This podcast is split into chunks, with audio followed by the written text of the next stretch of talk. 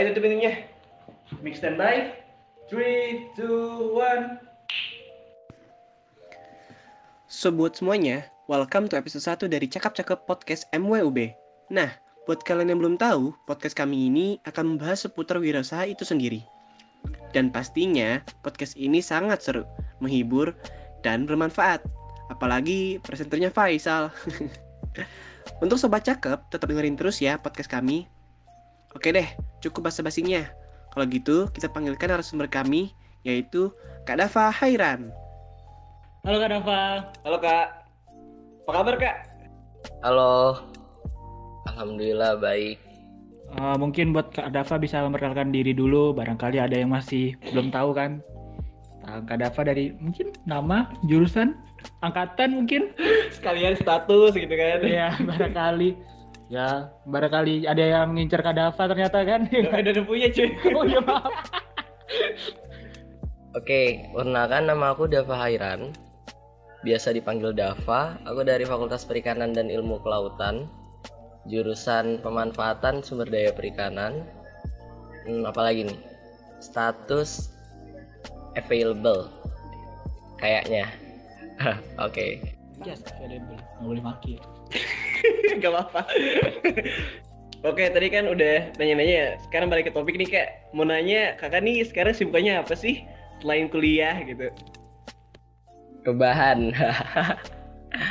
Hashtag di rumah aja. Selain kuliah, kerjaannya banyak. Mikirin banyak hal yang uh, harus beradaptasi karena kondisi yang sangat unpredictable ini di organisasi, di fakultas, terus di bisnis juga. Ya kalau bisnis dagang kecil-kecilan sih.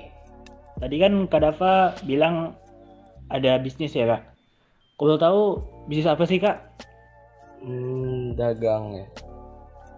Aku kalau sekarang itu megang saranglandakmini.id terus ada Exotic Farm namanya sama sekarang lagi fokus juga garap di sanitizer Itu bisnisnya mulai dari kapan, Kak? Yang sarang landak mini sama apa tadi? Aksot, aksotik, aksot, apa? Eksotis ya? Exotic Farm. Aksotik farm ya, yang itu, Kak. Itu dari kapan? Oh ya, BTW Exotic Farm itu apa Kak? Ah, iya, ini apaan sih? Ya apa ya? Namanya asing Exotic. Apaan bisnis apa tuh Kak? Kalau landak kan landak, kalau sarang apaan? Landak, ngomongin pasti landak pasti Sorry, sanitizer, sanitizer gitu kan? Iya. Kalau eksotik apa Kak? Boleh tahu nggak? Iya, sekalian jelasin, Kak. Oke, kalau untuk sarang landak mini sendiri itu hmm, udah sekitar 3 sampai 4 tahun. Ya. Nah, kalau untuk Exotic Farm itu baru baru sekitar 4 bulanan. Nah, Exotic Farm itu apa ya? Exotic Farm itu em, farm jadi kita fokus di budidaya axolot namanya. Axolot tuh hewan asal hewan asli asal Meksiko. Nah, di sini kita eh, punya visi gimana caranya hewan asal Meksikonya ini bisa di apa ya diproduksi di Indonesia karena kebetulan bentuknya yang cukup unik dan ap- wah Kak, kamu harus lihat sendiri sih Tapi sih ini lucu banget cuy. Eh mirip cicak gak sih? Iya iya pernah nih ngeliat di, di internet banyak. sih. Tapi badannya tuh kayak ikan. Tuh. Iya cicak laut udah. Terus aku juga tertarik nih sama axolot. Mau tahu lebih lagi sih. Kira-kira axolot ini di Indonesia itu kalau diperjualbelikan ya itu harganya berapa kira-kira? Impor cuy, mahal ya. iya sih pasti. Makanya penasaran juga nih Ah. harganya kira-kira berapa sampai dijadiin bisnis nih kan pastinya. Terus emang udah bisa gitu diproduksi di Indonesia? Udah tahu caranya gitu atau mungkin on, on progress gitu? Coba. Pasti ini bisa dipanjelasin lah. pernah ngeliat emang? Ya jadi em, kalau harga ya dia biasanya tergantung size sama jenisnya. Karena eh, jenisnya sendiri tuh dia gennya ada yang resesif ada yang dominan. Jadi kalau yang biasa itu yang paling murah biasanya sekitar 300-an nah kalau untuk yang mahal dia bisa sekitar jutaan untuk produksinya ini aku buka resep dapur gimana nih jadi ya pasti butuh teknologi karena um, dari iklim iklim di, di habitat asalnya sama iklim di Indonesia tentunya pasti beda.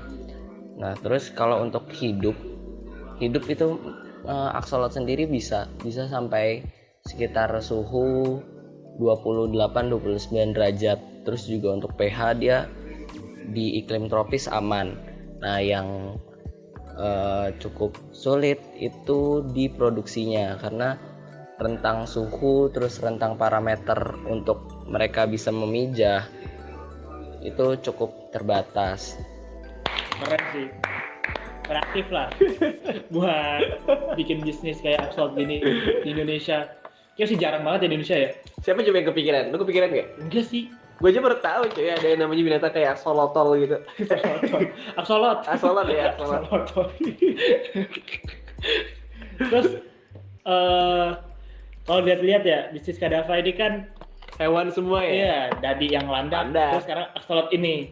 Murahnya nih maksudnya kayak emang ada demandnya gitu yang ngebuat Kadafa pengen ngebuat ini atau mungkin gak ada kompetitor kah?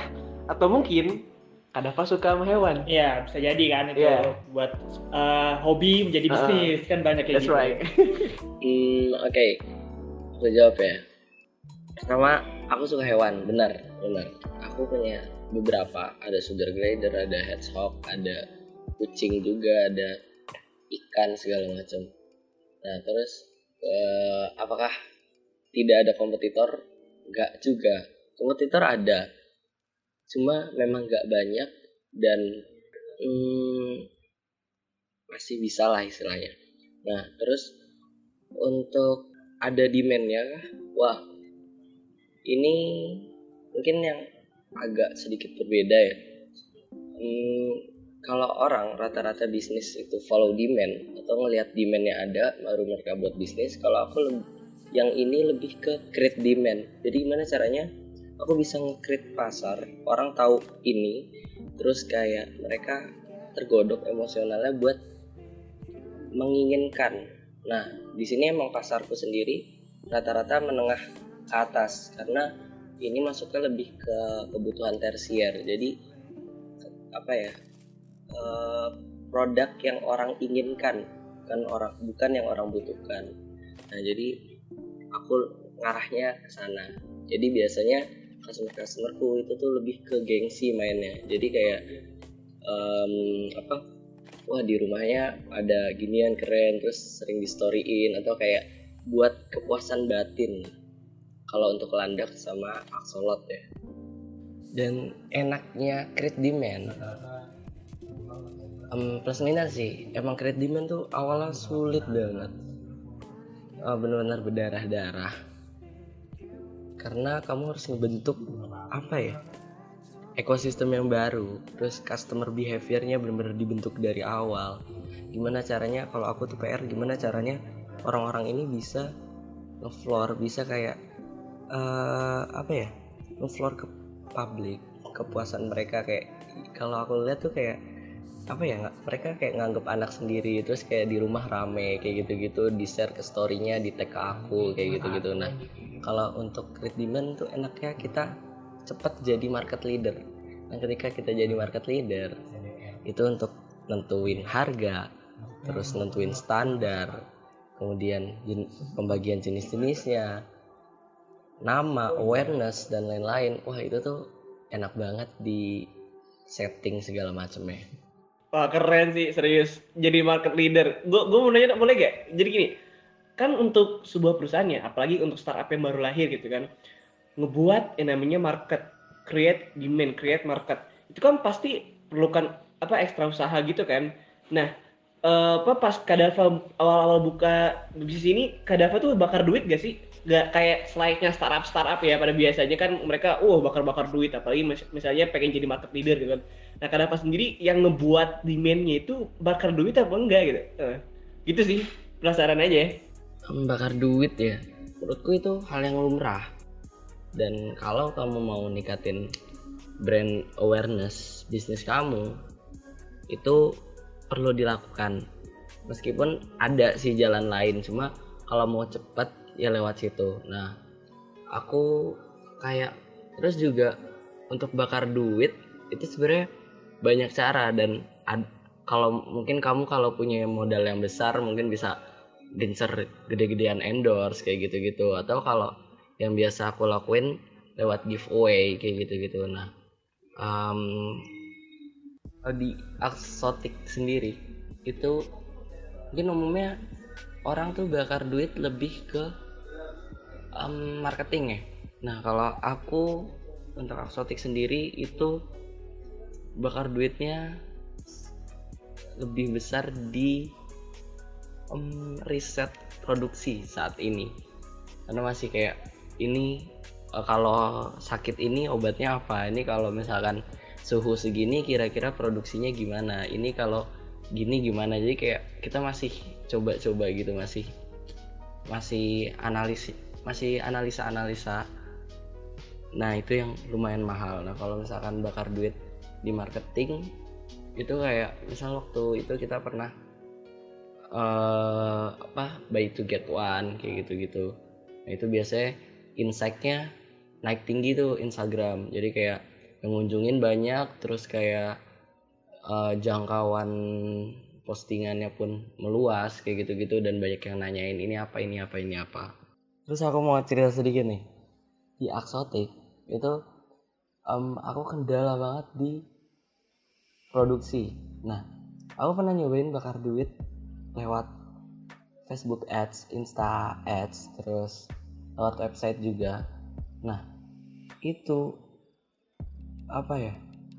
Sekali iklan, insight-nya tinggi banget dan responnya respon interaksi tuh banyak yang masuk. Jadi kayak dari nilai jual Axolot sendiri tuh kayak "Ih, ini apaan kok lucu ini kok warnanya aneh-aneh kok bentuknya aneh gini-gini kok bisa ini ini hewan apa kayak gitu. Jadi kayak yang aku kendala itu untuk memenuhi permintaan pasar.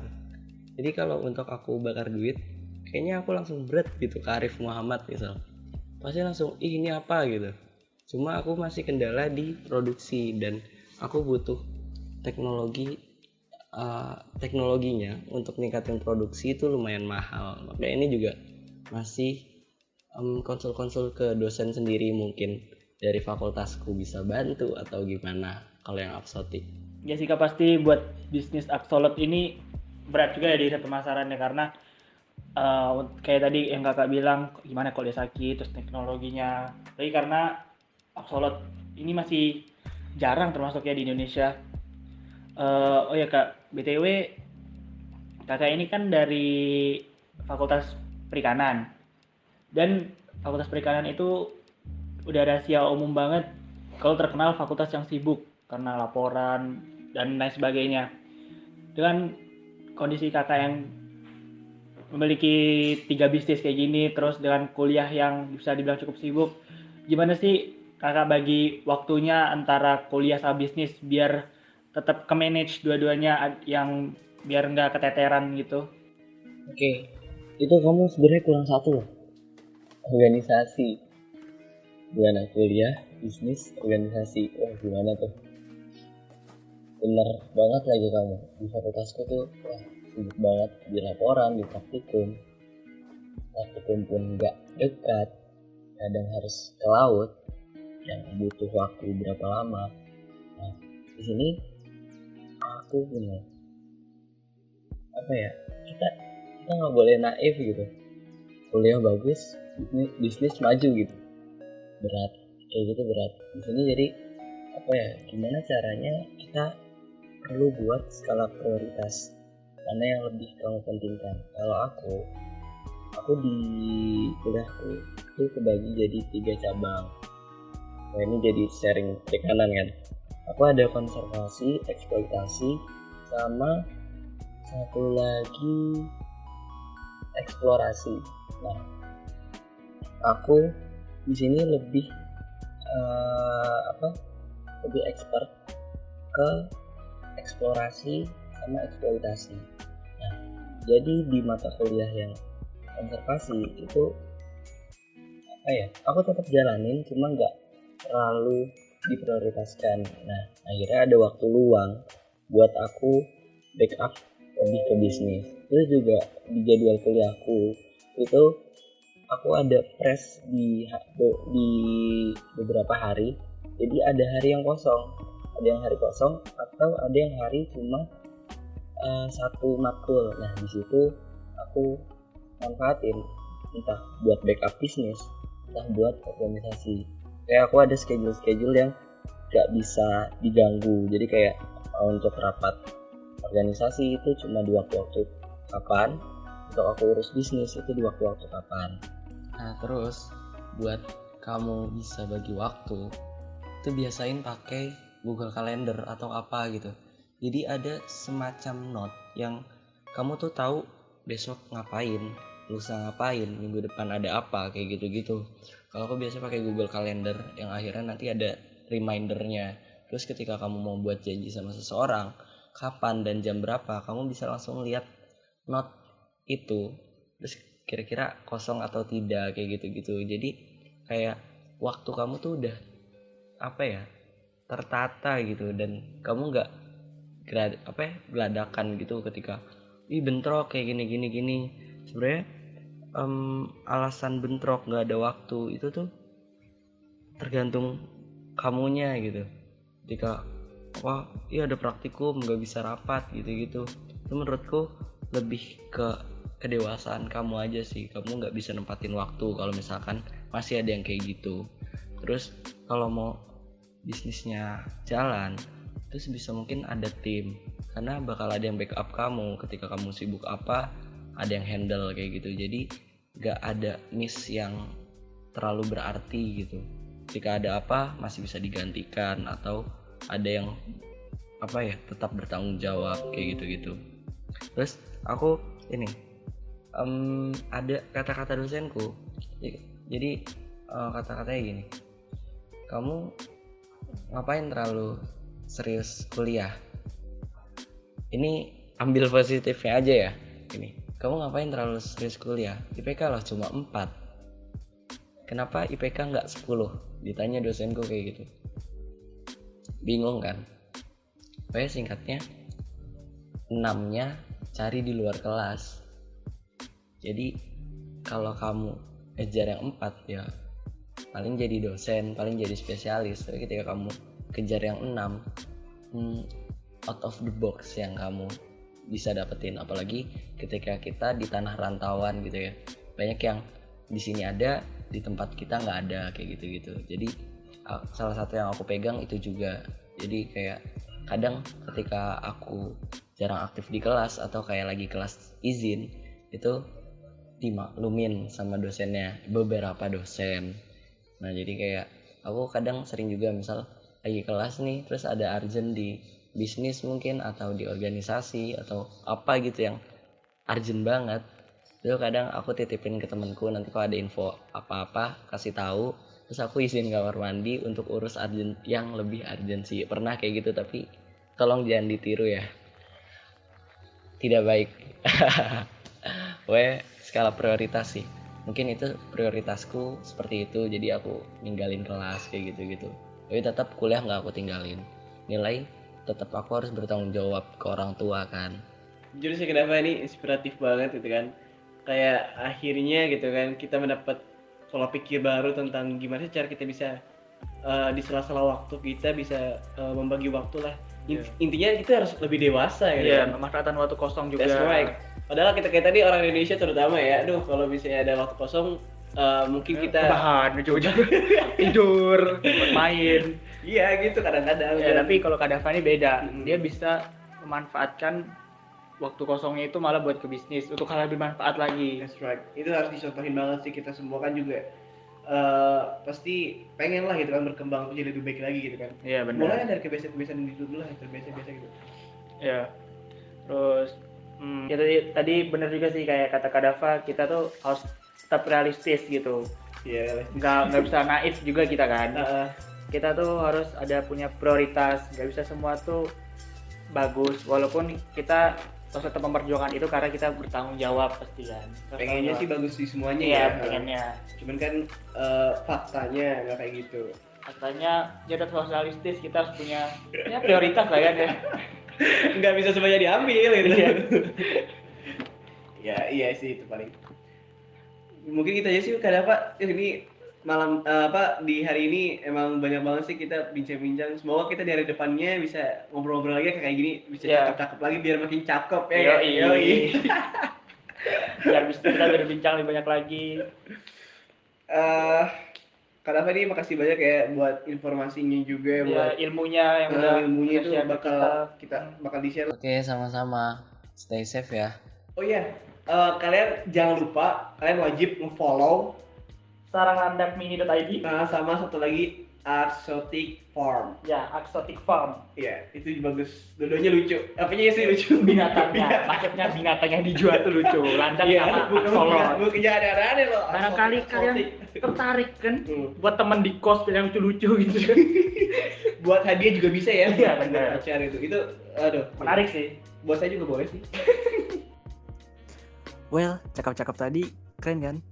Cakep banget ya tuh, pasti cakep lah ya kan? Kan sesuai nama podcastnya, cakep-cakep. Nah, tentunya untuk next episode, kita pasti akan menyajikan hal-hal yang menarik dan bermanfaat bagi kalian para pendengar semua di mana pun kalian berada. So, tetap stay tune di medsosnya MW Brawijaya, mulai dari YouTube, Line, Instagram, sampai di website. Keren banget ya tuh. Nah, dan buat kalian nih yang mau nyari medsosnya MW tadi nggak perlu susah-susah. Karena namanya itu gampang banget diingat. Semua medsos MW namanya sama. MW underscore Brawijaya. Nah sekian dulu podcast kali ini. Tetap jaga kesehatan. Sampai jumpa semuanya